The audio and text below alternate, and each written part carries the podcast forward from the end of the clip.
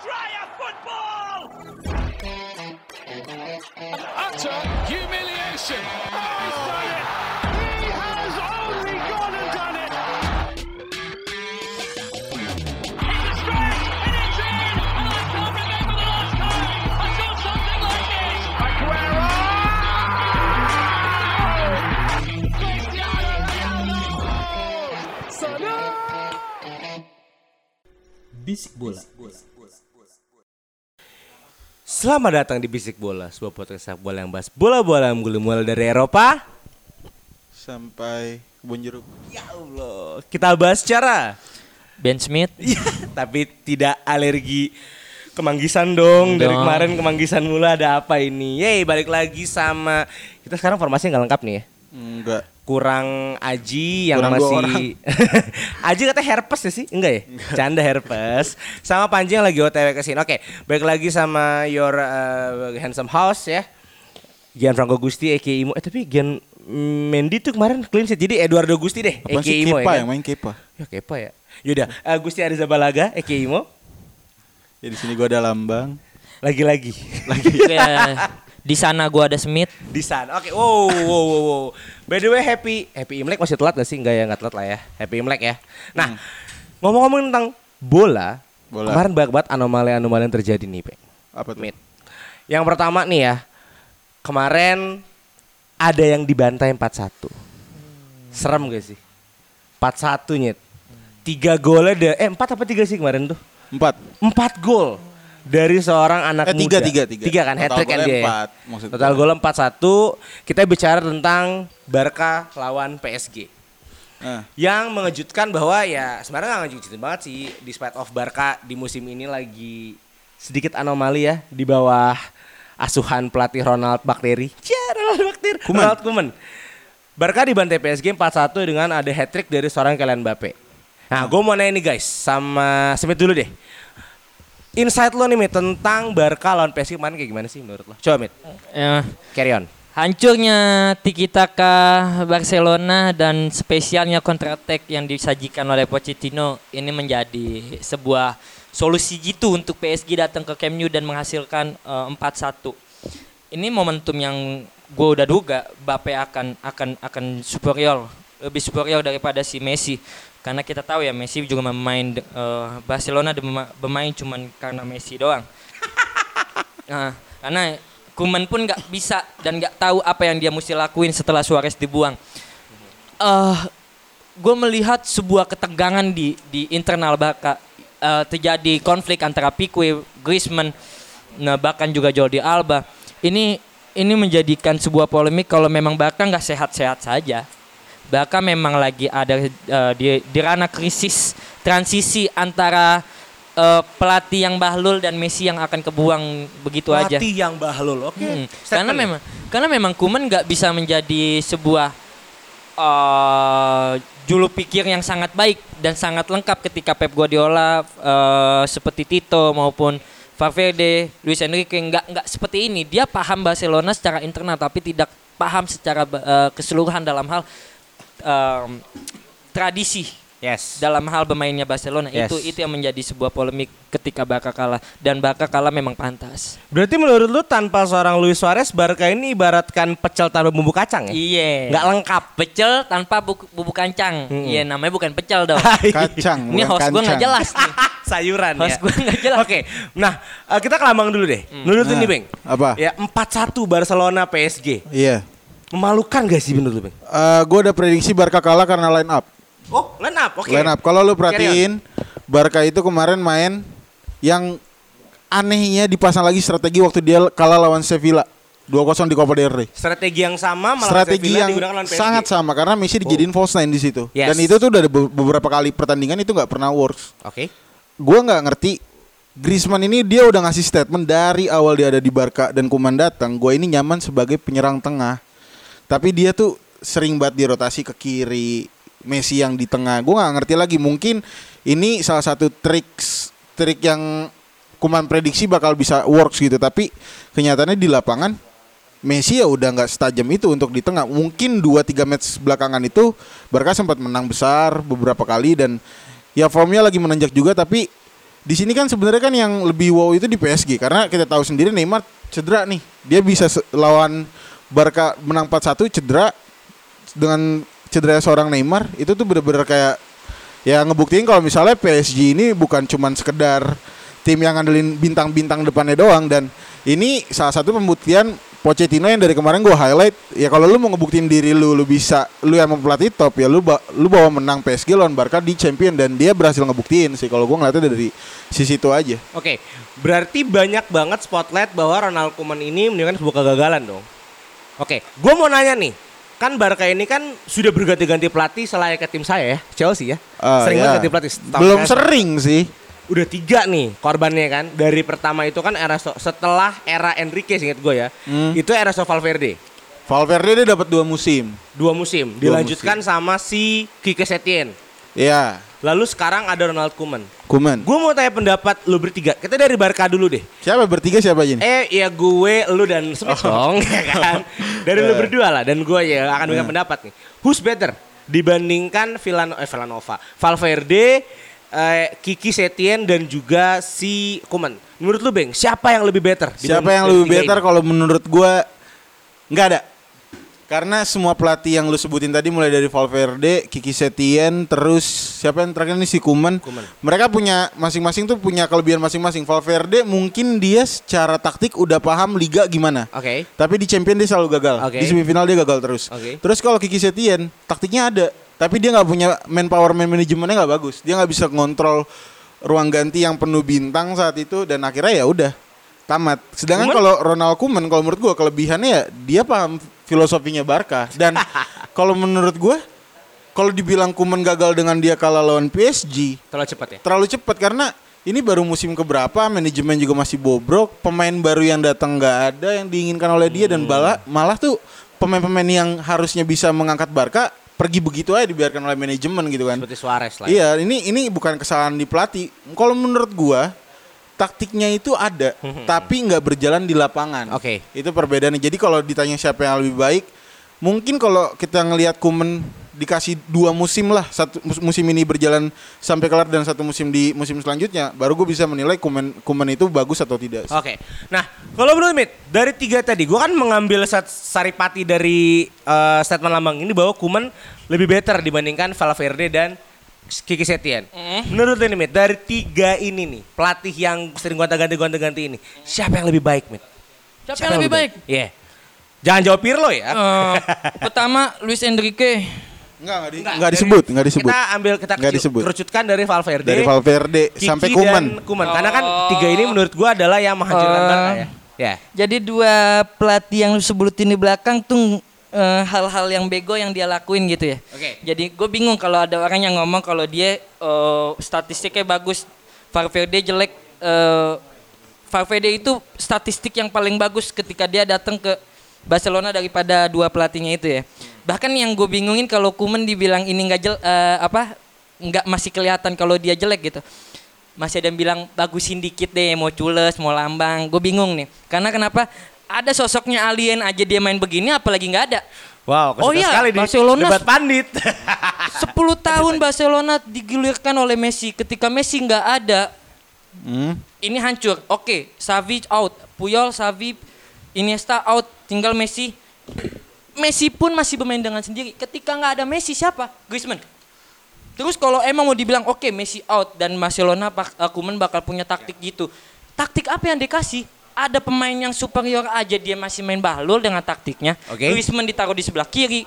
Bradwaite beberapa pertandingan yang sebelumnya udah bisa menciptakan berapa gol dalam uh, dua pertandingan atau tiga pertandingan nggak dimainin. Ini ada hal-hal yang aneh dari Koeman. Oke, dia punya uh, dia salah satu pelatih yang bersekikuh dengan total footballnya bahkan membalikan eh tiki taka yang dia mau di era Barcelona sekarang. Tapi bagi gue sulit dengan kapasitas pemain ini sulit. Barcelona selalu diunggulin dengan pemain legendanya. Bahkan Ba- Barcelona bergerak dan dan bisa menghasilkan eh, menjadi klub yang ternama sekarang karena pemain-pemain itu Iniesta, Bisque, eh, Pique, Buyol, Xavi, Messi. Dan kalau emang ini generasinya udah habis, bahkan ada Jordi Alba, kalau emang generasinya ini udah habis, bagi gue salah satunya bahkan nggak bisa membeli pemain. Oh, Oke. Tapi cuma satu, dia mesti memberikan sesuatu manajemen yang baik sampai menghasilkan pelatih yang baik untuk mengakomodasiin skuad yang sekarang dia punya. So berarti yang gue ambil adalah lo setuju sama Valverde yang lebih baik daripada tiga ini. Kuman, jelas. Kuman. Koman dan Jelas. Valverde. Kalau gue sih gini, gue menanggapi si Smith ya tadi ya. Dia bilang kalau misalnya si Ronald Koeman ini ya kasarnya dia nggak punya taktik lah. Tapi kalau menurut gue secara pribadi, emang sekarang yang ada di fokusnya Koeman bukan bukan untuk nunjukin dia punya taktik atau enggak, tapi lebih kayak ngegampar manajemen. Ini lo pemain yang lu punya di squad lu dan lu nggak bisa apa-apa gitu loh. Gue udah pakai taktik yang dimau nih, yang dipengenin sama pemain sampai gue pakai taktik yang menurut gue bisa berjalan. Oke. Itu nggak nggak berjalan sama sekali gitu loh. Jadi kalau menurut gue ini itu salah satu skema yang mungkin ya, mungkin dibikin sama Kuman agar manajemen Barca ngelihat seberapa bobroknya tim mereka dan lu harus merombak tim ini gitu. Berarti disengajakan sama Kuman. Kalau menurut gua sih memang Kuman nggak nggak kan gini pe- pelatih itu ada yang bermain menyesuaikan pemain, taktik menyesuaikan pemain, ada yang meminta pemain untuk menyesuaikan dia. Oke. Kalau menurut gua sekarang Kuman ini lagi ngambil cara gimana caranya pemain bisa menyesuaikan taktik gua. Karena pemain-pemain Barcelona ini ter egonya itu terlalu gede. Kalau misalnya diikutin satu, yang satu bisa jealous. Kalau misalnya diikutin beberapa, takutnya yang lain jealous nih. Oke. Ini Barca nggak beda jauh sama Madrid nih senior junior nih kalau Oke. menurut gua. Sangat-sangat serat. sangat Kasih serat. kasih gua alasan ketika gua ngomong kayak gini ya, Iya, iya. yang Ja- bisa mematahkan omongan Jadi gue. kalau menurut gua emang ya ini Kuman dia bermain sesuai taktiknya dia dan dia bilang gitu kayak secara langsung ngasih unjuk ke manajemen. Ini loh squad yang lu punya. Lu berharap apa dari Gue memberi penguatan nih buat dua-duanya. Yang dari Smith, Valverde, gue sepakat. Dari awal statistiknya baik. Peralihan dari seorang Enrique ke Valverde juga bukan suatu hal yang buruk. Sayangnya Valverde kan tidak mendapatkan hati pemain-main dari Barcelona. Selain itu, Koeman juga menurut gue bisa memenangkan hati karena dia seorang legend kan. He, eh, he, he is the legend of Dapat Barcelona. respect lah. Respect. Tapi dari kedua itu, ya, sebenarnya masalah cuma satu, man. Tertuju pada satu. Seorang Lionel Messi ya LP apa sih namanya ya Lionel Messi lah ya Lionel Messi masih ya. bukan Oh. Lionel Messi Lah masih ya. nggak masih itu akademinya bos ya kan Julukannya Messi. menurut lo apakah melihat dari negatif resultnya Barcelona di musim ini apakah possible Messi di musim depan akan pindah ke tim lain Enggak. coba lamang dulu deh Kenapa gue bilang enggak? Karena Laporta kemarin udah ngasih statement kalau misalnya Messi itu bukan trouble finansialnya Barca. Dan dia harus stay karena dia salah satu objek yang bisa memperkuat profitnya Barca tahun-tahun ke depannya agar ya balance-nya keuangan dia balance lagi. Nah, berarti gua- Messi tidak cabut menurut Kalau menurut gua enggak. menurut nah, Mat Nah, tadi eh, Lambang bilang Laporta ya. Iya. Laporta salah satu presiden yang akan jadi calon presidennya Barca. Kandidat. Iya. Iya kandidat. Sekarang kalau misalnya Lambang bilang Messi akan selalu diunggulkan, nah balik lagi ke Kuman yang tadi. Sekarang gimana dia bisa nyebut Kum, eh, Laporta sedangkan eh gimana dia bisa sebut Kuman itu bermain-main dengan manajemen Barca ketika Laporta aja menyebut kalau Kuman itu akan didepak. Iya kan? Nggak make sense. Maksud gua Kuman nggak akan bermain-main dengan dengan situasi sekarang. Oh beda, maksud gua gini. Maksud gua Gimana? ini kan lu ngebahas lu ngebahas manajemen sama pelatih yang lagi running nih beda. Lu kalau misalnya ngebahas pelatih yang lagi running menurut gua Kuman bagus. Cuman kalau ngebahas manajemen ya kalau Laporta masuk pasti Safi yang ditunjuk. Nah, iya maksud gua nggak Cuman ada. kan Laporta kan belum masuk nih. Nih, maksud gua gini loh. Eh, bahkan dua kandidat ini dari Baka semuanya itu tertuju untuk Kuman di depak. Iya.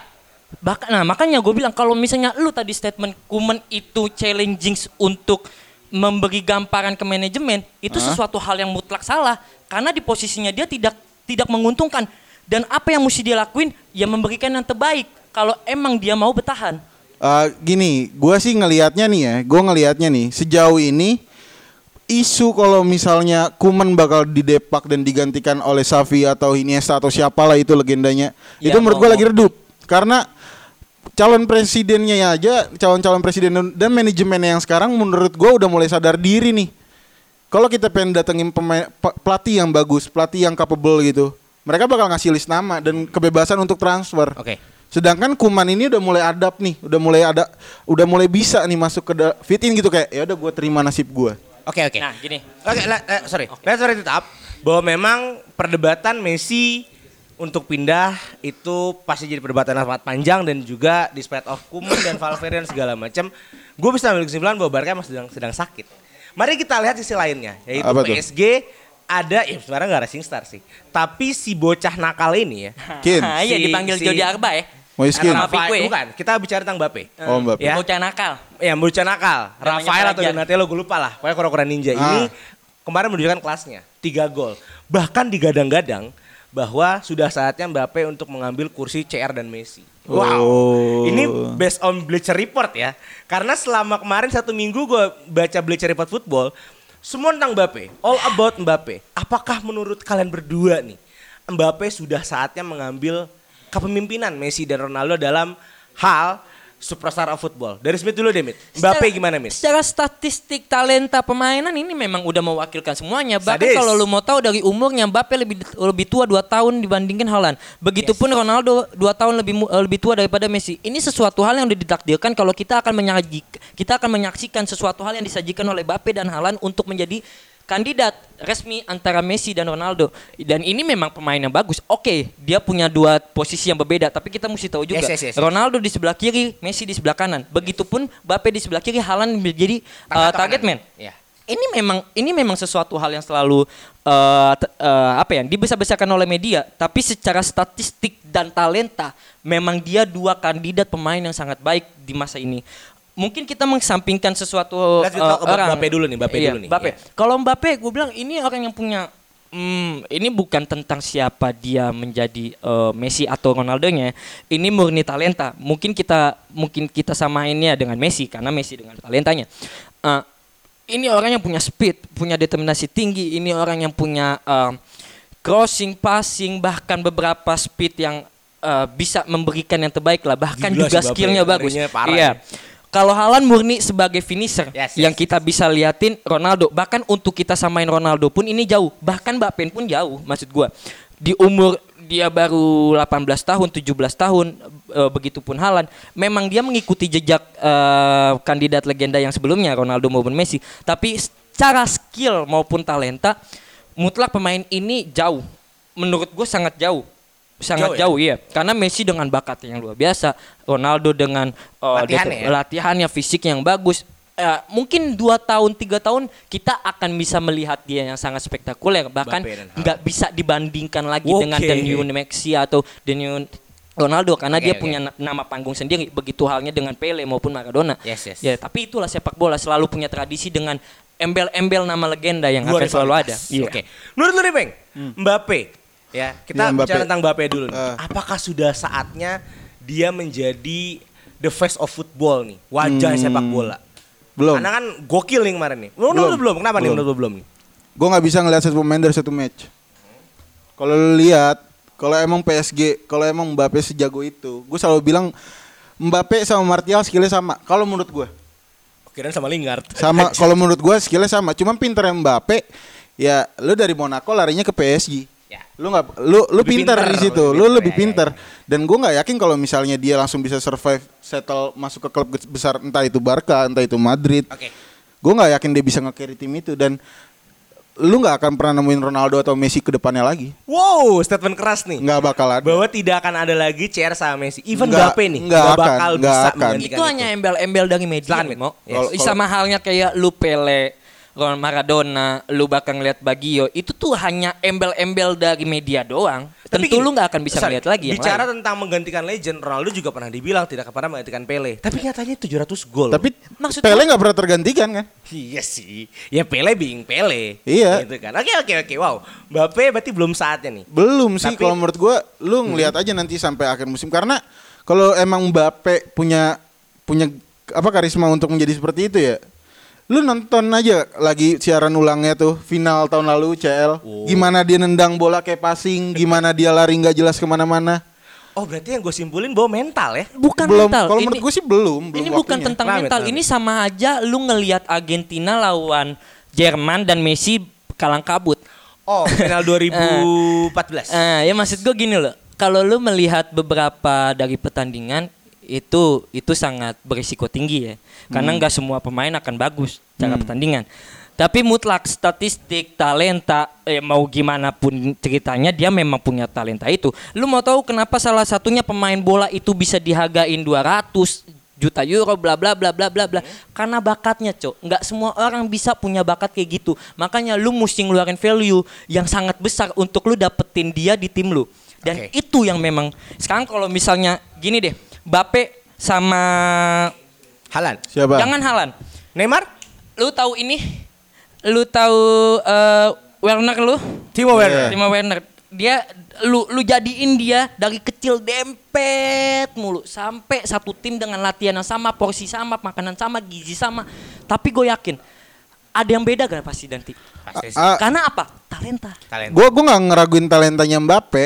Cuman Cuman belum saatnya aja. maksud gue gini, entar entah belum saatnya atau entah lu udah kelamaan di liga seperti itu gak sih? Oke, di Farmer League ya. iya jadi jadi once lu ke panggung Eropa lu baru nunjukin skill lu mat, bener-bener nih matang nih. Dari situ aja kan kelihatan kalau misalnya ada sedikit sifat egois yang nggak begitu profesional gitu loh. Oke, wow. Berarti bicara tentang Bapak emang belum siap, tapi punya talenta yang cukup baik. Talenta bisa, talenta bisa. Kalau tapi kalau untuk sekarang dibilang lu bakal ah enggak sih belum. Sebetulnya bukan talenta eh, bukan dia yang belum siap. tapi Karena Messi dan Ronaldo yang belum masih pensiun. ada. Belum pensiun. Karena kalau udah pensiun, oh, ini Oke. ini Siapa orang akan beput akan akan selalu ngikutin ada arus ada dengan kayak gitu. ya, iya. ada circle. Oke. Wow, kita wrap nih Barca PSG yang emang kesimpulannya Barca tolol. nah, mumpung Smith lagi bersemangat. Mari kita bahas kekalahan Juventus. FC Porto melawan Juventus 2-1. Yang sangat mutlak. What happened ayah naon Ahmad? Kenapa Juventus bisa kalah sama Porto? Tolong diceritakan.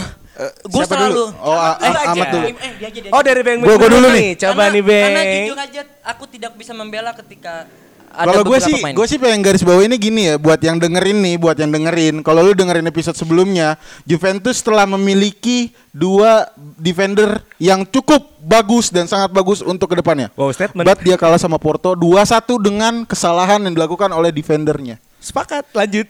Itu gue kayak ngerasanya kayak lu kemarin baru bilang kalau misalnya tim lu berlian, tapi pas dilihat ini cuma emas nih. Oke, wow. Tadi satu memang adalah Juventus menemukan dro- eh, duet back yang cukup baik. Ah. Tapi Anda tidak melihat starting line up-nya, Lambang. Yang start adalah? Cele dan Deli. Di episode sebelumnya bahwasanya Demiral dan Deli. Ya. Kalau lu dengerin full, kalau lu dengerin full, ya, even itu siapa pun, between Demiral atau Delih jadi starting line up, lu udah masang dua back yang bakal kuat di belakang. Oke, tapi yang start kan Cele dan Deli. Nah, justru ke- kesalahan terbanyak ada di Del- di Cele ini.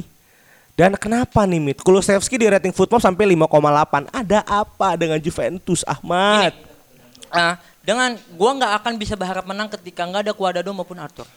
Itu Wow. udah selalu. Pemain kunci berarti. Iya, ini pemain yang memang dari segi gelandang pun Arthur memang sebagai ritmenya permainan dan Cuadrado adalah umpan crossing bahkan assist terbanyak di champion pun.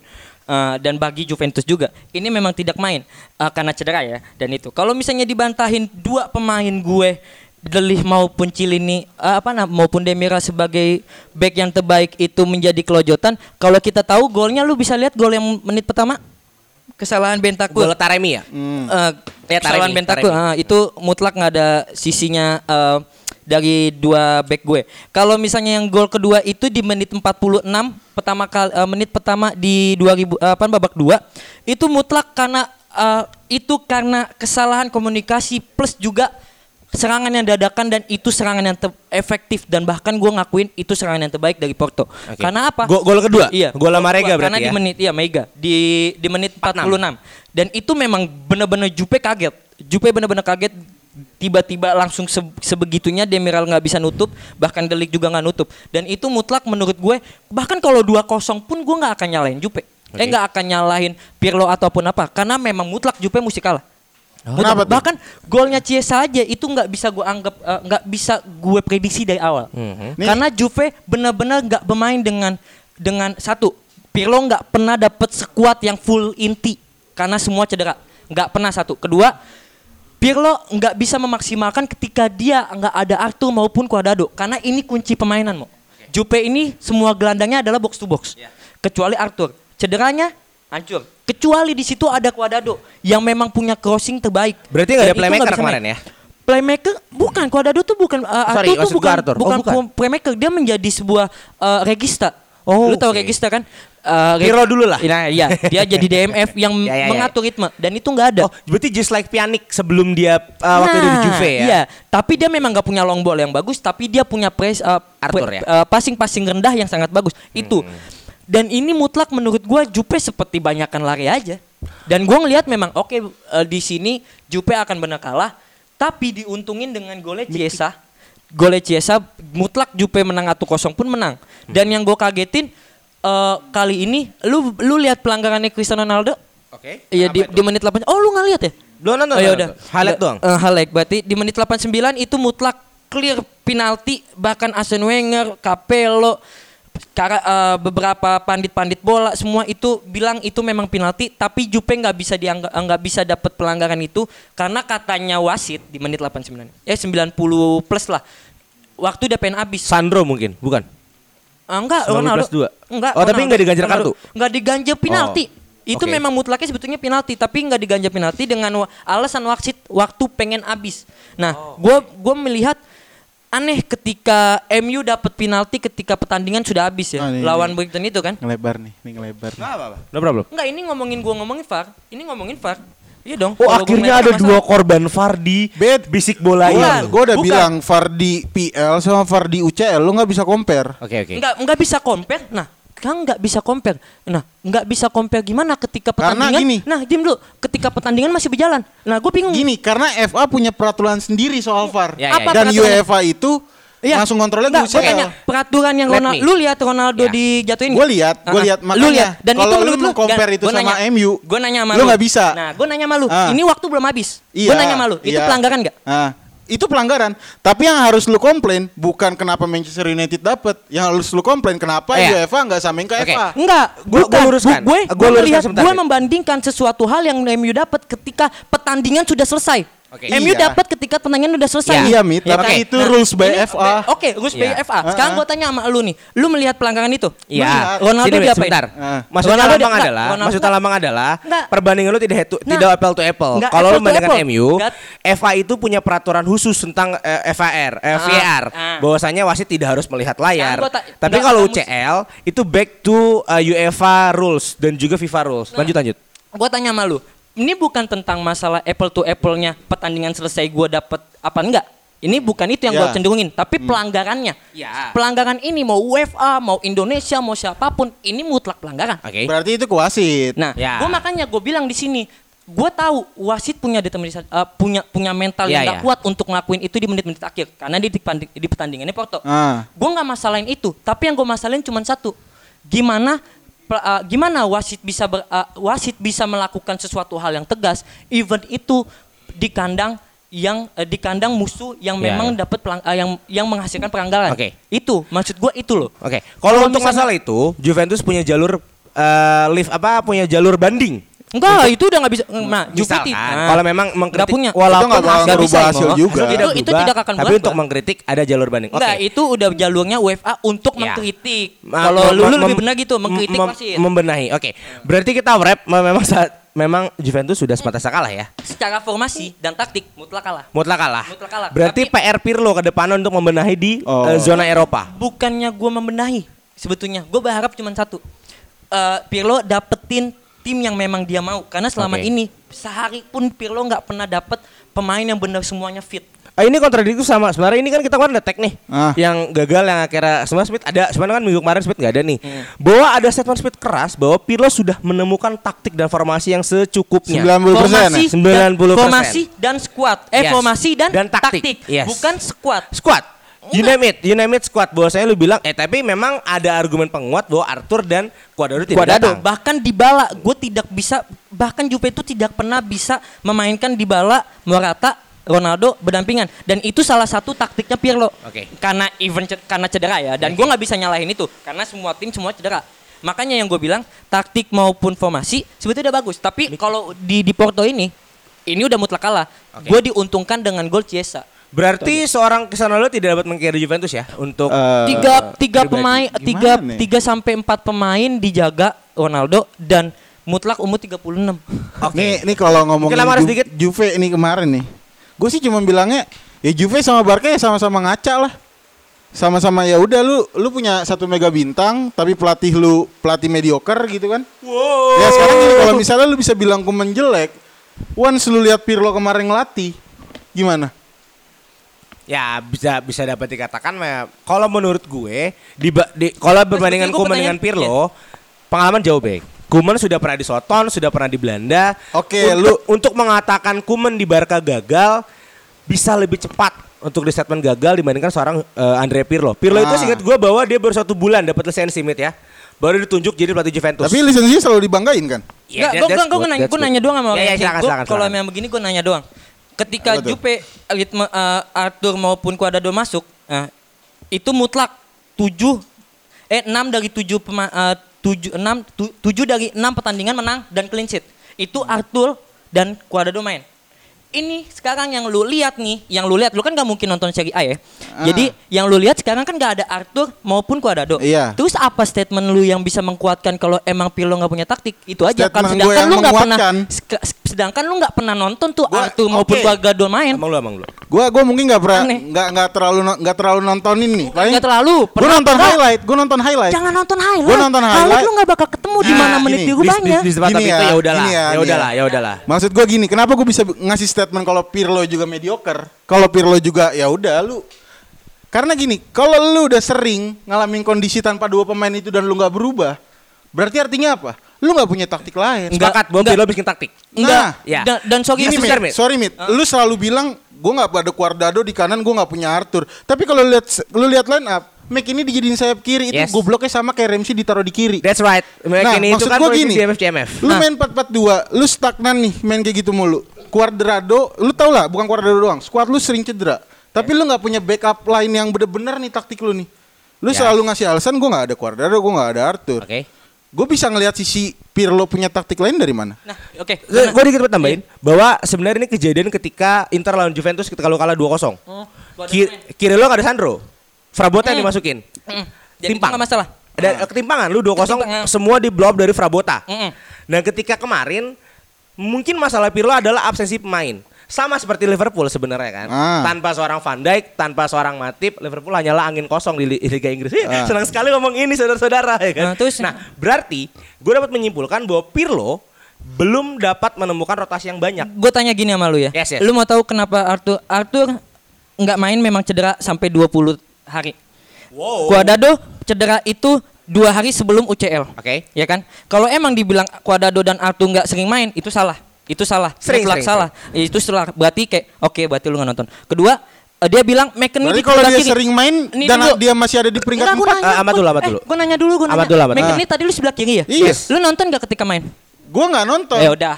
Ya udah. Eh, nonton. lu lu tahu gak setiap formasi yang disajikan di awal itu Gua udah berdampak ketika itu kemarin. Yes. Iya kan? Nah sekarang kalau misalnya dia McKennie di sebelah kiri, gue makin yakin kalau emang dia nggak nonton. Jadi buat Gua apa udah gua pernah ngasih- buang-buang? gua udah pernah ngasih Gua buang statement. nih, gini.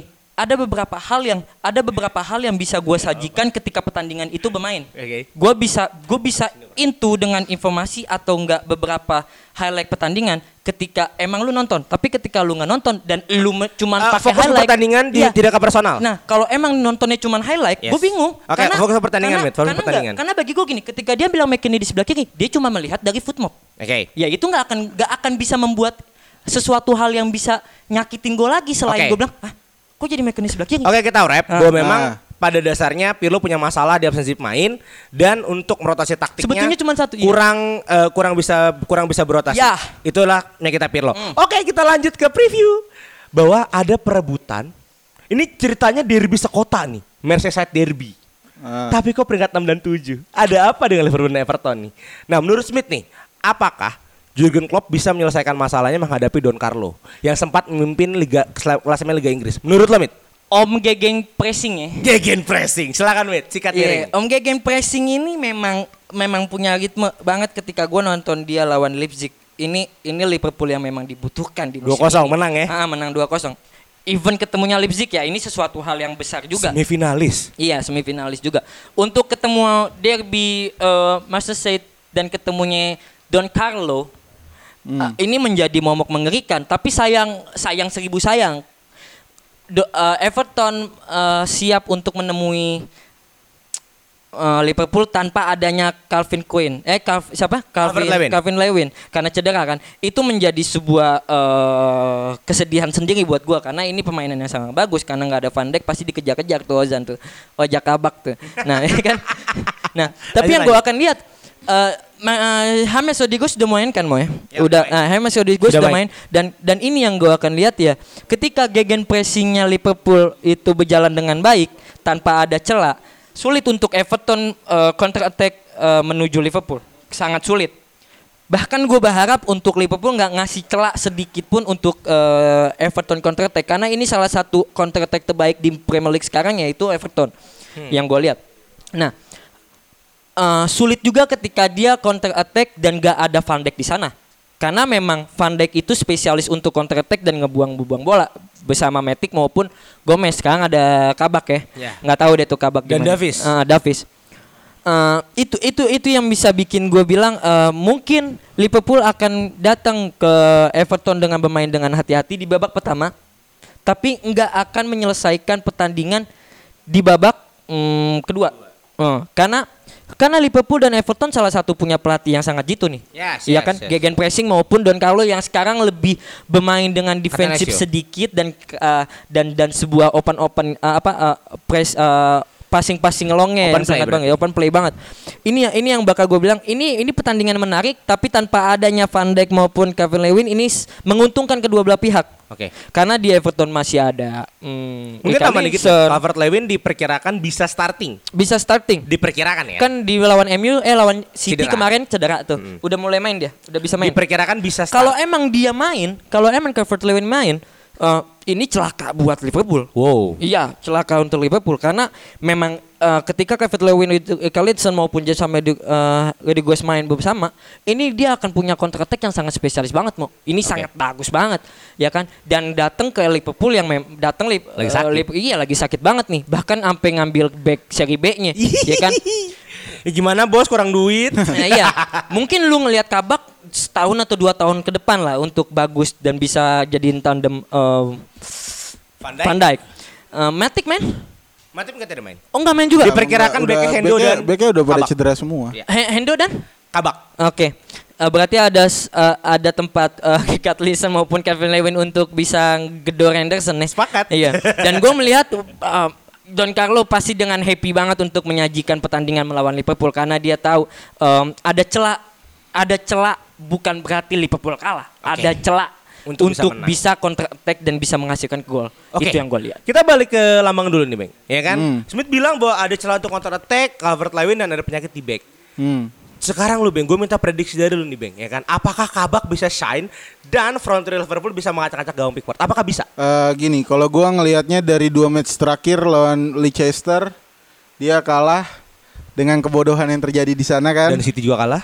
Ah, ah, lawan City kalah. lu streak ya? Streak kalah ya? dan lawan Leipzig dia menang 2-0. Tapi kalau lu lihat dia lawan Leipzig, kalau menurut gua Jurgen Klopp mulai mulai apa ya, muasabah diri. mulai muasabah diri. Refleksi diri Iya, ya. jadi sekarang kalau menurut gua setelah gua kemarin ngelihat dia lawan Leipzig, dia pinter nih. Dia tahu dia ngelawan pelatih yang emang Nagelsmann kan terkenal ya beda-beda tipis lah sama Klopp kan. Belgian Craig dia nama Iya taktiknya kan? Belgian Craig. Gaya mainnya beda-beda tipis dan di situ Klopp nggak munafik kalau menurut gua. Jadi kalau lu lihat Fabinho, Thiago sama satu lagi Curtis Jones itu main lebih ke belakang. Ya. Main lebih ke belakang dan lawan Leipzig kemarin space. pun gua anggapnya itu ya menang ya itu Dewi Fortuna lagi memihak ke Liverpool aja karena dua gol itu ya dua gol emang blunder kalau menurut gua. Salah gitu. Ya? Ah, ah, jadi kalau misalnya lawan Everton, kalau dia bermain seperti melawan Leipzig, menurut gua tiga poin buat Liverpool. Wow, sebenarnya keras nih. Hmm. Nah. Dengan Liverpoonnya blunder. Enggak, bukan dengan Evertonnya blunder. Kalau main ke Leipzig. Tapi dengan pola permainan yang dilakukan melawan Leipzig, main sesuai kapasitas, nggak munafik. Dan ya udah, tapi kalau dia tetap maksain egonya dia main gegen pressing, dia bener-bener ninggalin satu pivot di belakang Fabinho, dia dia up 8 pemain ke depan, main high press, hancur. Tapi Nah, bagi tapi gua- bagi gue oke, sedikit ya. Tapi bagi gue Everton nggak akan berani banget sih untuk Ya. keluar nyerang open play banget lawan Liverpool. Akan lebih ngandelin umpan Rodriguez Iya, ke Calvert iya. Lewin. akan akan mengandelin counter attack dan semoga aja Liverpool tidak kepleset dengan dia eh, senaif itu untuk nyerang mulu. Mungkin kita sedikit, gue mau sedikit bertanya sebelum kita masuk ke topik berikutnya. Apakah seorang Lambang dan Smith masih punya kepercayaan untuk Alisson Becker menjaga gawang Liverpool? Silakan. Masih lah. Eh, Lambang dulu deh, Lambang dulu deh. Masih lah. Dengan hasil dibantai 4 berturut-turut, Masih lah. seorang Alisson Becker. Gini, lu kalau ngelihat Alisson Becker ya. Oke, dia ngelakuin blunder fatal lawan City, dia Sangat. ngelakuin blunder fatal lawan Leicester. Sangat. Tapi kalau nggak ada dia, Liverpool bahkan nggak masuk 8 besar kalau menurut gue. Oke, berarti tetap Alison Becker sebagai Harus, tenaga, Bang. Harus. gimana tentang Alison Becker? Gue selalu percaya setiap orang itu pasti ada ada pasang surutnya ya. Oke. Ya, ya, ini mungkin momentum di mana Becker mesti belajar aja. Oke. Ya kan bahkan sekelas Buffon aja punya punya momentum ya, di mana ya, dia ya. blunder. Nah, bagi gua eh, mungkin eh, dia udah belajar dengan tidak lagi bikin blunder di saat lawan Leipzig Oke, oke. dan dan semoga aja dia nggak ngelakuin hal itu lagi karena ketika dia ngelakuin itu em, em, namanya akan tercoret lagi. Hancur pasti. Nah, iya. Oke, berarti kita gue minta prediksi sedikit nih, ya. Skornya dari Ahmad dulu deh. Kira-kira bakal berapa? Dengan kondisi Lewin start ya. Lewin start Yes. gue bisa lihat ketika eh, Ancelotti bisa memaksimalkan defensifnya dalam hal gegen pressingnya si Klopp bahkan serangannya Klopp ditahan eh, mungkin Everton bisa menang 2-1 tapi bisa berbalik juga untuk Liverpool Oh berarti tetap di on the paper ya. 2-1 Ahmad, eh Amang berapa bang? 1-0 Liverpool. Wow, satu kosong dan dua satu, tipis-tipis ya. ini bola over nih Berarti emang match match match ini bakal seru banget nih. Seru. Wajib ditonton. Kita mungkin pindah dulu sedikit ke Liga Inggris juga, yaitu pertemuan murid dan guru. Siapa itu? Arsenal dan Manchester City. Oh. Kira-kira apakah akan terbantai nih Arteta? Silakan Ahmad dulu deh. oh ini Liverpool eh, eh, siapa Manchester City lagi gila cok dengan gundogannya yang gua nggak tahu kok menjadi Iya, Messi aneh ya. Aduh gue sama Foden mit. Em, iya karena Aneh, sumpah, karena kalau aneh, emang lu aneh. tahu eh, Aneh. emang kalau lu tahu ini berkat dari Aguero yang nggak ada dan Jesus eh, Gabriel Jesus lagi 50-50 ya dia dikasih pot terbaru dijadiin first nine-nya si Pep dan menghasilkan 4 empat pertandingan atau lima pertandingan dengan gol, cok. Bahkan catatan satu gol eh satu pertandingan sempat dua peta, dua gol gitu ya. Iya, ini iya. menjadi sebuah momok mengharukan, mengerikan. Gue melihat ini menjadi Frank Lampard tersendiri, cok. Jadi Lampard dong. Iya, karena Jadi memang Lampard. karena memang eh, gini. Kenapa gue bisa bilang ini Lampard? Lampard dulu bisa menghasilkan gol sebanyak Iya. itu karena ada Asian, maka Lele maupun Obi Mikel. Oh Gundogan ini ya? Oh iya, Oke oke. Gundogan ini dikasih leluasaan ketika dia ada Fernandinho maupun Rodri, Rodri lah. Ini ini yang gue bisa lihat. Ayolah, gue dia lo sekali lagi mem- memberi apa ya, memberitahu kalau memang dia pelatih jenius dengan siapa yang bisa prediksi kalau Gundogan akan menciptakan gol mulu Iya, iya. setelah dia badai cedera yang yang selalu ada gitu dengan posisi yang baru dia bisa menghasilkan gol ini terlihat banget kalau Gundogan eh, me- memberikan gue sedikit nuansa Lampard di Manchester City Oke. sih bagi gue jadi bagi gue dengan Manchester City lawan Arsenal even ini di kandang Arsenal Arsenal udah dikasih 1-0 tetap City yang menang Skornya berapa Mit? skor gue bisa melihat ini 3-1. Wow. Bahkan untuk 3-0 pun ini hal yang mudah. Possible. Karena kenapa eh, Stone Diaz ini udah memulai Nemu sih, chemistry. nemu banget sih. Plus ditambahin Rodri. Dan Ini ada mulai- juga iya, ya? ini bisa is- udah bisa menjadikan eh, chemistry tersendiri untuk untuk Manchester City. Jadi ketemu hal klub yang lagi terseok-seok kayak gini hal yang gampang lah ya. Terseok ya. Iya. Dan Oke. itu enggak? Kalau gua sih ngelihatnya Arsenal City mungkin lebih gua ngehalai ke Arsenal ya. Cuman karena kan terlalu mainstream kalau misalnya gua bahas City dari kemarin semua orang udah bahas City gimana dia main gitu kan. Ini jangan sakit hati ya tapi. Apa tuh? Statement jangan sampai sakit hati ya. Apa? Jadi kalau ngomongin tentang City jangan sakit hati karena kan anda kebalap Oh nih enggak pada enggak. akhirnya kan. Gua gua gua enggak baper. Terjerembab, gua terjerembab. Karena nih. dari awal musim gua udah prediksi Liverpool 3 aja gua syukur. Waduh, lanjut. Nah, balik lagi ke Arsenal kalau menurut gua Arsenal sempat dapat ritme tapi eh, match terakhir yang gua bener-bener nonton full Arsenal itu dia lawan Wolves. Dia lawan Wolves kalau menurut gua saat dia lawan Wolves itu dia sempat kalah 2-1 dan dia menang di match selanjutnya. Kalau menurut gua selama Thomas Partey-nya hidup dan Bukayo Saka-nya ada bermain di kiri. Ini kan sebenarnya kan Arsenal nih kelihatan nih pemainnya mentalitinya belum belum bagus banget nih apalagi Aubameyang kalau lu update kemarin dia habis kena kasus masalah Yep. ya kan gue nggak tahu tuh beberapa peraturannya match juga nggak main kan? dia nggak dia nggak main berarti ya Enggak main. Oh, Semalam lawan kan lawan Benfica, Saka golin, Aubameyang main. Satu lawan. City berarti dia main nih Main. main oh ya udah tuh berarti plus point tuh buat Arsenal nah kalau menurut gue tergantung sih Boga, Bukayo Saka sama Emil Smith Rowe Iya. Jadi kalau si Emil Smith Rowe ini memang dia punya mentality, cuman kan ya lu balik lagi ini pemain muda gitu loh. Oke. Pemain muda lu nggak bisa ngarepin dia ber, on point setiap match. Jadi kalau menurut gua ini match ya udah jelas ada di City, tapi kalau melihat head to headnya si Jurgen dan Arteta, Arteta selalu kayak Klopp, walaupun Klopp. Eh, Arteta Jurgen. Kok Jurgen sih? Eh Jurgen Guardiola. Guardiola dan Arteta walaupun Guardiola head to head lebih menang daripada Arteta bahkan tapi Guardiola pun bilang Arteta salah satu pelatih yang menurut gua itu bisa jadi kryptonite-nya untuk gua gitu. Oke, wow. Satu pertanyaan kecil sebelum kita masuk ke topik berikutnya. Seberapa impact Odegaard di Arsenal sekarang menurut kalian? Amat dulu deh. Odegaard terlalu punya media mau. Oh, karena gini, kenapa gue pertanyakan ini? Kalau nonton kemarin Arsenal lawan Basel, Odegaard itu bener-bener pure kreator dan heat mapnya itu tersebar satu lapangan. Libero gitu bisa kita bilang. Apakah Li- bakal Libero itu back, Cok. Ah, berarti apa- Playmaker. Eh playmaker, playmaker yang bisa mengatur pola Maaf serang ya. satu timnya. Hmm. Eh, Makanya menurut Smith tadi kan bilang terlalu dibesar-besarkan media. Iya. Menurut lu, Bang? Kalau menurut gua, gua nggak highlight Odegaard ini lebih kayak apa ya? Eh, pemain muda, dia punya bakat, dia punya bakat, Oke. dia punya skill. Tapi balik lagi, dia itu nggak bisa bermain. Kenapa dia nggak hidup di Madrid? Karena dia nggak bisa berbaik, bermain ber- banyak barang bintang yang lainnya gitu loh. Berarti ada tekanan mental dan fame. Dia lebih pemain yang condong lebih bisa mengkiri tim kalau misalnya dia jadi spotlightnya kalau menurut. Oke, wow, oke. Gini, sedikit aja Dikit-dikit ya. Odegaard. Em, Odegaard eh, punya talenta ya, tapi nggak nggak wow. Apalagi yang dia mesti berhadapan dengan Ruben Dias, Bokon, Rodri kan. Rodri lah.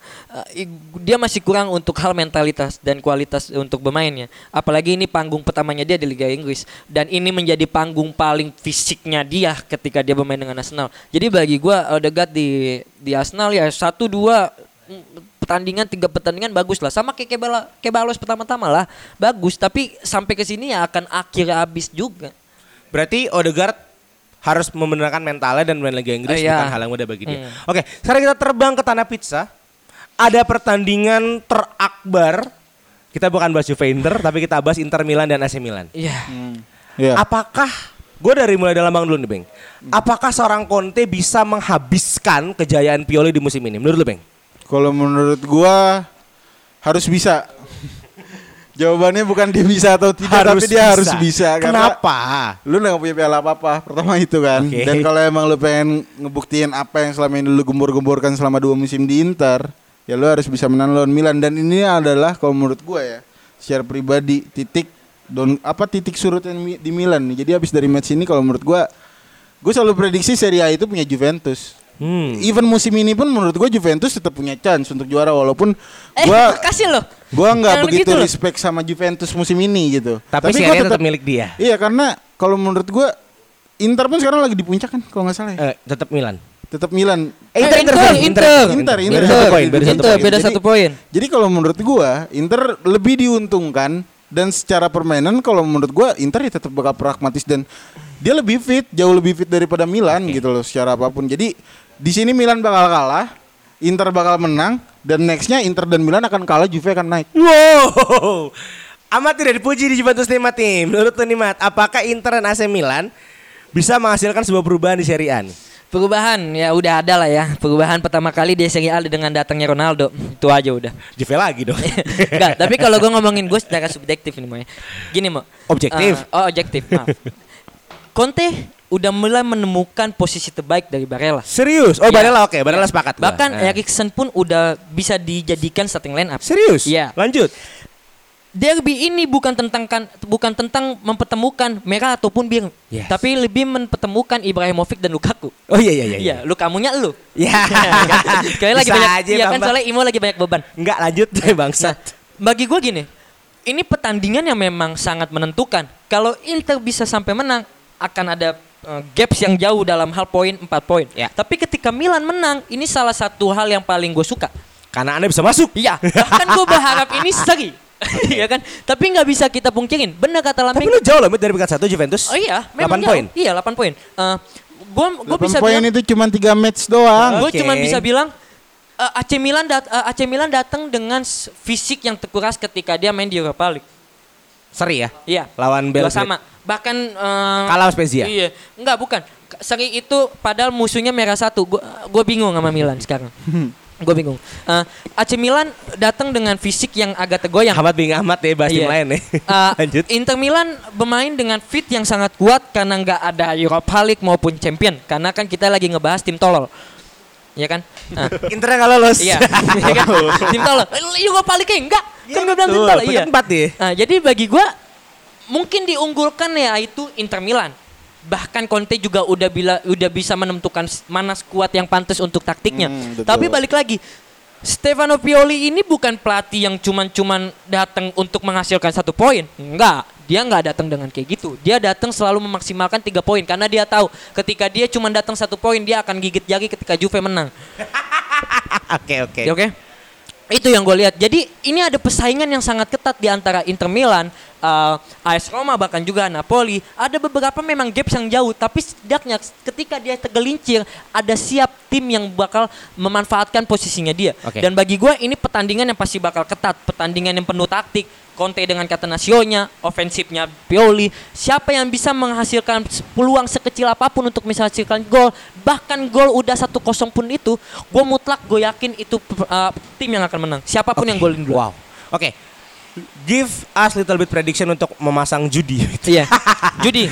Oke, kira-kira Inter dan AC Milan Eh, skornya berapa sih? kalau lu mau judi dan lu aman, lu main under tiga. Eh, eh, eh, eh, skornya skor, skor, eh, oh, eh, skornya eh. aja. Skor Iya, saja, eh. Skor, skor mutlak menurut gue satu kosong satu sama dua satu dua sama karena Tipis-tipis ya? Iya, karena ini pertandingan yang memang bagi gue akan sangat hati-hati mau Dan karena gap tandang. satu pos Iya, iya. posisi bahkan gue mau tahu ini main di mana Ya, gi- Oh, oh enggak jangan dijawab wala- wala- wala- Walaupun satu stadion. enggak usah dijawab karena dua-duanya stadion dia Numpang. Iya, itu sindiran gue buat dia. Ya berharaplah untuk Tapi dapat duit dan secara menghasilkan eh, stadion sendiri. secara sistem home-nya di Milan. Milan. San Siro berarti ya? Gue melihat eh, ini eh, pertandingan terakhir Milan Inter kan ya menangnya Inter Milan karena sebuah merahnya Ibrahimovic. Dan bagi gue ini saatnya AC Milan untuk kasih tahu dia dan Ibrahimovic tentunya kalau Milan memang masih masih dijadikan eh, pema, apa tim yang bisa menghasilkan Scudetto. Bang? Dan gue bakal yakin Milan menang. Oke, Bang, prediksi? Prediksi Inter menang menang satu bola. Oh, untuk dua satu, tiga dua, satu kosong, dua satu, tiga dua. Berarti ini match yang akan ketat ya? Ya yang jelas Milan bakal ngegolin satu doang kalau menurut gue. Berarti dua satu. Iya. Karena Iya. mau di mana pun ini netral, mau. Iya betul. Satu stadion. Oke, wow. Sebelum kita masuk ke diskusi santai, Hah? kita mau denger dulu iklan masyarakat. Hah? Kalau teman-teman mau investasi, teman-teman mau cari rumah-rumah baru, bisa follow at bisikmedia.id. Iya. Ya, banyak infonya tentang rumah-rumah baru. Iya. Kalau teman-teman mau tahu tentang kesehatan reproduksi, Iya. ya, tentang kesehatan remaja, bisa Follow ke mana di at Basic Sports. Kalau Iya. Basic Sport. Semua tentang remaja di Iya. situ. Remaja ya? Betul. Dan kalau teman-teman eh, insecure Iya. tentang masa depan, Kalau temen lagi lebay drama-drama wanita suka Ah. malonte dan lain-lain bisa datang ke PWB. betul.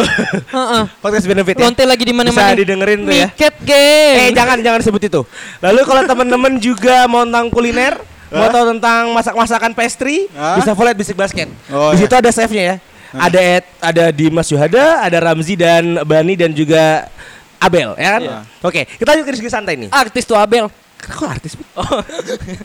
Bingung ya. Abdel, Abdel maksudnya Abdel. Oke, Cing Abdel. Kita lanjut di diskusi santai nih. Ini lagi hits banget minggu-minggu ini, bos, sedang Eh disandingkan. udah pulang yuk. Kok pulang? Oh belum ya. tentang Mbappe dan Halan menggantikan rivalitas Ronaldo dan Messi. Despite of ya melihat dari pertandingan kemarin sih bahwa Halan dan Mbappe mencuri spotlight minggu ini nih. Ya, Apakah menurut kalian Halan dari kan seperti masih sedikit ya tentang Halan sama Mbappe ya? ya. Udah pantas belum sih buat Enggak gantiin pantas mereka? kalau dia belum datang ke Juventus. Ya Allah, dia mentang Juve mulu ya. Gue mau ngomong ke Chelsea juga gue takut. Ya udah, ya siap, kan? maaf, maaf. Iya, Oke, kan katanya Halan mau 80 90 juta katanya. Alamnya 75 kan Oh, gitu. Insya Allah nih. Katanya dua-duanya ke Madrid, Cok. Jangan dong. Menurut Bang Beng nih Beng, apakah Gue Halan gue dan lebih Mbappe- yakin Halan daripada Mbappe. Lebih yakin Halan. Kenapa? Kasih tahu alasannya. Karena dia udah bermain tuh dari liga mana aja. Dia di Norway kayak gitu, terus di Salzburg dia kayak gitu. Salzburg kayak dia. Apaan sih lu? Katanya lu lu waktu itu ngomong katanya karena Mbappe hitam makanya lu nggak yakin. Gila Tadi dia yang ngomong. Gue sih udah tuh racism karena gue hitam bangsat. Oh iya. Oh iya. Mohon maaf, mohon maaf. Lanjut, lanjut. Mohon. Jadi kalau menurut gue gue lebih la- gue lebih yakin Halan sih. Jadi Beng, gue karena nggak suka Beng ketika lu bilang yakin Halan. Kasih dong beberapa karena karena Halan udah ngebuktiin gitu loh. Dia udah adaptasi di beberapa liga, di beberapa pelatih dan itu jalan. Mbappe berarti kan baru ngerasain Jardim, eh, Tuchel, sama sekarang Pochettino. Iya. Kurang Dan kalau misalnya di compare sini ada yang ada yang ngebela Mbappe tapi udah punya World Cup. Ya, Umi Titi juga punya World Cup. Giroud juga punya. iya, Giroud juga punya gitu. Berarti lo tim Halan nih? Gue tim Halan. Tim Halan. Amat. Halan dan Mbappe. Siapa yang lo pegang? Iya sebelumnya gue mau ngomong ahlan was ahlan. Iya Betul, halan wasahlan. kalau lu bilang Halan maupun Bape balik lagi em, selalu punya media selalu punya hal-hal yang bisa disajikan untuk dibanding-bandingkan ya. Walaupun Ya. nggak mutlak banget ini mustinya digituin kayak Messi sama Ronaldo siapa yang paling bagus. Iya. A B ya. Tapi gue mau bilang mm, Piala Dunia memang enggak enggak enggak selalu menjadi momok menakutkan kalau Mbappe lebih baik. Tapi kalau kita bilangnya ke Um Titi punya Piala Dunia itu hal yang bodoh. Karena mau gimana pun Mbappe golin. Iya sih. Iya kan? Kalau gak ada Um Titi kejebolan Iya, gitu. maksud, ya maksud gue gini. Um Iya. Titi ada apa sih masalah apa sih Um Titi? Jadi gue bingung ketika dia bilang Um Titi karena bagi gue kayak eh anjing semua back selalu nahan untuk nggak menghasilkan gol. Tapi eh, tempatnya Mbappe adalah menciptakan gol. Yes. Ini sulit. Ini sulit. Jadi gue agak agak sedikit mau bercanda karena yang datang ke sini pun bercanda mulu. Enggak apa-apa dong. Ya bagi gue Mbappe punya kualitas jauh Yes. di Halan. Oke. Jauh. Tim Mbappe Dalam kutip Mbappe jauh dia itu kenapa gue bisa jauh bilang? Karena dia udah menghasilkan Piala Dunia. Ini nggak tentang gue mengkompar siapa yang terbaik, tapi media selalu suka dengan hal ini. Iya dong. Dan kita mesti ngikutin Pasti media dong. ya kan? Iya kan nggak ada lagi media untuk publik, yang ada publik untuk media. Kritik pemerintah lanjut. ya jadi bagi gue Mbappe dengan Piala Dunianya Oke. udah menjanjikan kalau dia memang lebih baik bahkan dari Messi maupun Ronaldo Oke. secara hal Piala Dunia. Tapi dalam hal statistik, ya kita bisa lihat lah Haaland sekarang top score cok di Liga Yes, Champions. yes. Ya kan? Mbappe memang punya baru baru ciptain hat trick bahkan Haaland terpancing dengan dua golnya itu Ya. ketika dia melihat Mbappe tiga gol kan itu memang hal yang butuh banget di di di, di liga apa di champion maupun di sepak bola karena ketika lu punya sesuatu hal untuk membandingkan diri lu Yes. lu akan jauh mau lebih spesial Ronaldo nggak akan terbentuk gini kayak nggak kalau nggak ada Messi Ya. begitunya pun dengan Messi, Messi. nah bagi gua ini tinggal nunggu waktu tinggal nunggu siapa yang dapetin em, apa ya piala terbanyak maupun piala terbanyak di Halan maupun Bape itu tidak mewakilkan dengan kalau dia yang jauh lebih baik. Iya. Karena mau kayak gimana pun Halan nggak akan bisa piala dunia iris kuping gue cok. Jangan remen Norwegia lo. Oke sebutin siapa? Alexander Sorloth. Iya. Itu dong gue tahu. Lu tahu tiga pemain doang, Iya. Alan, Sorlet sama Sebutin Odegaard. Prancis Bek. Oh iya, Mas apa? Odegaard. Susbozolai dong. Enggak, gua tanya Eh, sebut. bukan, bukan? Bukan lah. Ya, Hungari, Hungari. Sebutin kipernya Prancis aja dah. Yoris. Sorry. Loris abis tuh Mandanda. Mandanda. Mandanda. Eh, Sama Mike Nan. Sekarang kalau lu liatin compare semua skuadnya mau Ya kan? Jauh. Lemah kagak main, Tapi kalau gue sih lebih nge-highlightnya Basi lah kalau ngebahas Haaland sama Mbappe ya. Iya, Cuman iya. gue lebih nge-highlightnya Felix. Oh bukan. Bukan, ini tuh balik lagi eranya di mana setiap tim bakal punya gacoan. Oh, ketika era Ronaldo Messi berakhir. Iya. Oke. Jadi Masalah tim saya nggak ada di gacuan, Pak. kalau lihat dari pas Messi sama Ronaldo lagi naik banget nih, tim-tim lain sadar diri nggak mungkin bisa ngerekrut Ronaldo atau Messi. Tapi Sebenarnya ada ketika PSG mengambil Neymar. Ya di luar klub Mani Ya, ya. Arab ya, Lah, maksud gua. Lagian kenapa sih Haaland di, di, didebatin segede-gedenya itu dengan dua golnya dia? Kenapa emang? Karena Pandev ciptain dua gol juga, Cok. Goran Pandev. Iya. Masih main dia. Masih main. Masih main Goran Masih Pandev. main. Ya Allah. Maksud gua media selalu punya ini untuk dijual. Iya. Tapi kita yang menyajikannya Kalau- dan selalu membanding-bandingkannya kan. Bagi gua kayak mau lu Haaland, mau lu Messi, mau siapa kalau memang lu punya talenta, ya lu yang terbaik. Berarti apakah ada posibilitas bawa Ballon d'Or dan segala penghargaan individual akan dimonopoli oleh dua orang ini? Fucking Enggak sih. Bahkan enggak. bahkan dengan Messi dan Ronaldo, bahkan Messi banyak paling banyak Ballon d'Or ya sekarang dengan 6 dan 5. Itu tidak mewakilkan kalau Messi yang terbaik. Oke, satu pertanyaan terakhir gue. Antara Hal sama nanya, nanya satu-satu Terakhir, mulu. Hal sama Mbappe, tititnya gedean mana?